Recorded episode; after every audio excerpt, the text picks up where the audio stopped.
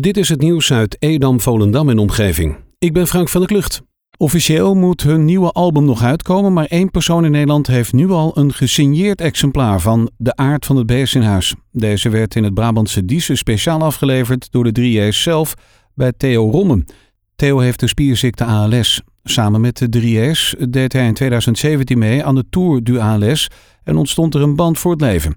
Het nummer Denk aan mij hebben de mannen van de 3J's voor, over en namens Theo geschreven, omdat hij een van de meest positieve mensen is die ze ooit hebben ontmoet.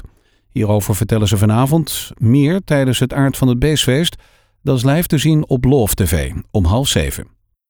De in Volendam werkzame ondernemer Franklin Verhoeven ervaart het als zijn plicht om niet enkel geld te verdienen, maar zo nu en dan ook wat terug te geven aan de maatschappij.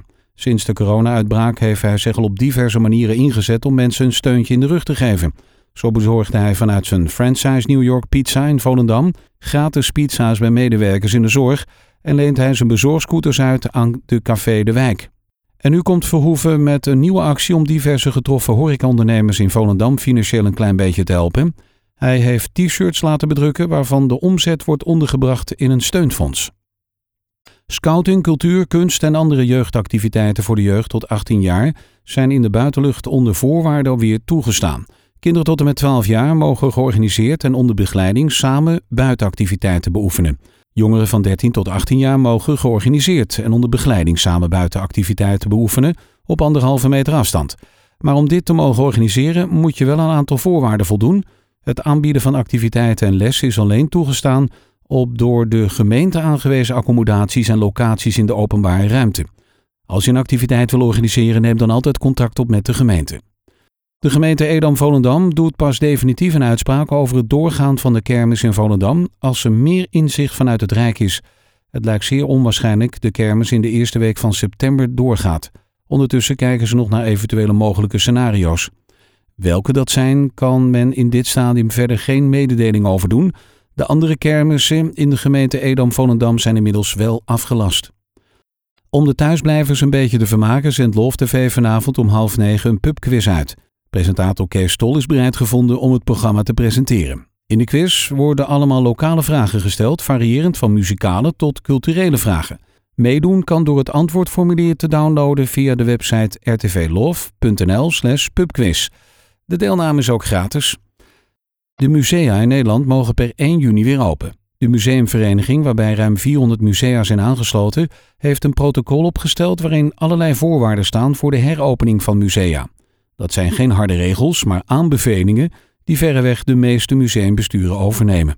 Geadviseerd wordt onder meer om het aantal bezoekers dat tegelijkertijd binnen is te beperken door mensen online een ticket te laten bestellen en ook om bezoekers alleen met pin of mobiel te laten betalen. Maar dat is onmogelijk voor sommige kleinere musea, zoals het Markenmuseum. Het is een van de redenen waarom dat museum voorlopig nog de deuren dicht houdt. De burgemeester van Purmerend heeft de afgelopen dagen twee drugspanden gesloten. In beide gevallen werd de deur voor een periode van drie maanden verzegeld. Aan de Jan Ritsema Bosstraat in de wijk Purmer Zuid werd op 8 mei een woning tijdelijk gesloten nadat er harddrugs werd aangetroffen.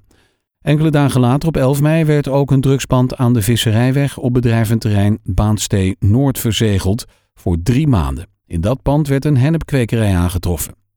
Meer dan 250 woningbezitters hebben zich al aangemeld voor vrijblijvend advies over de zonnepanelenacties in de gemeente Waterland.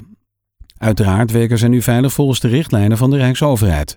Je krijgt een aanbod op maat. Voor particulieren kan BTW worden teruggevraagd. Ga even naar duurzaambouwloket.nl slash actiewaterland. En die actie loopt tot 21 juni. Evian Lieshoff wordt de pilotlocatie voor de bezoekregeling voor verpleeghuizen in de GGD regio Zaanstreek-Waterland.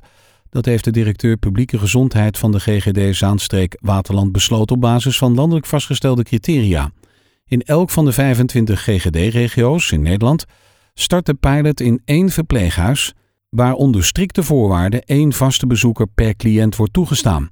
De ervaring die nu wordt opgedaan op de pilotlocaties gebruikt het kabinet om stapsgewijs en voorzichtig bezoekregeling op steeds meer verpleeghuislocaties toe te passen. Tot zover het nieuws uit Edam, Volendam en omgeving. Meer lokaal nieuws vindt u op de Love Kabelkrant, onze website of in de app.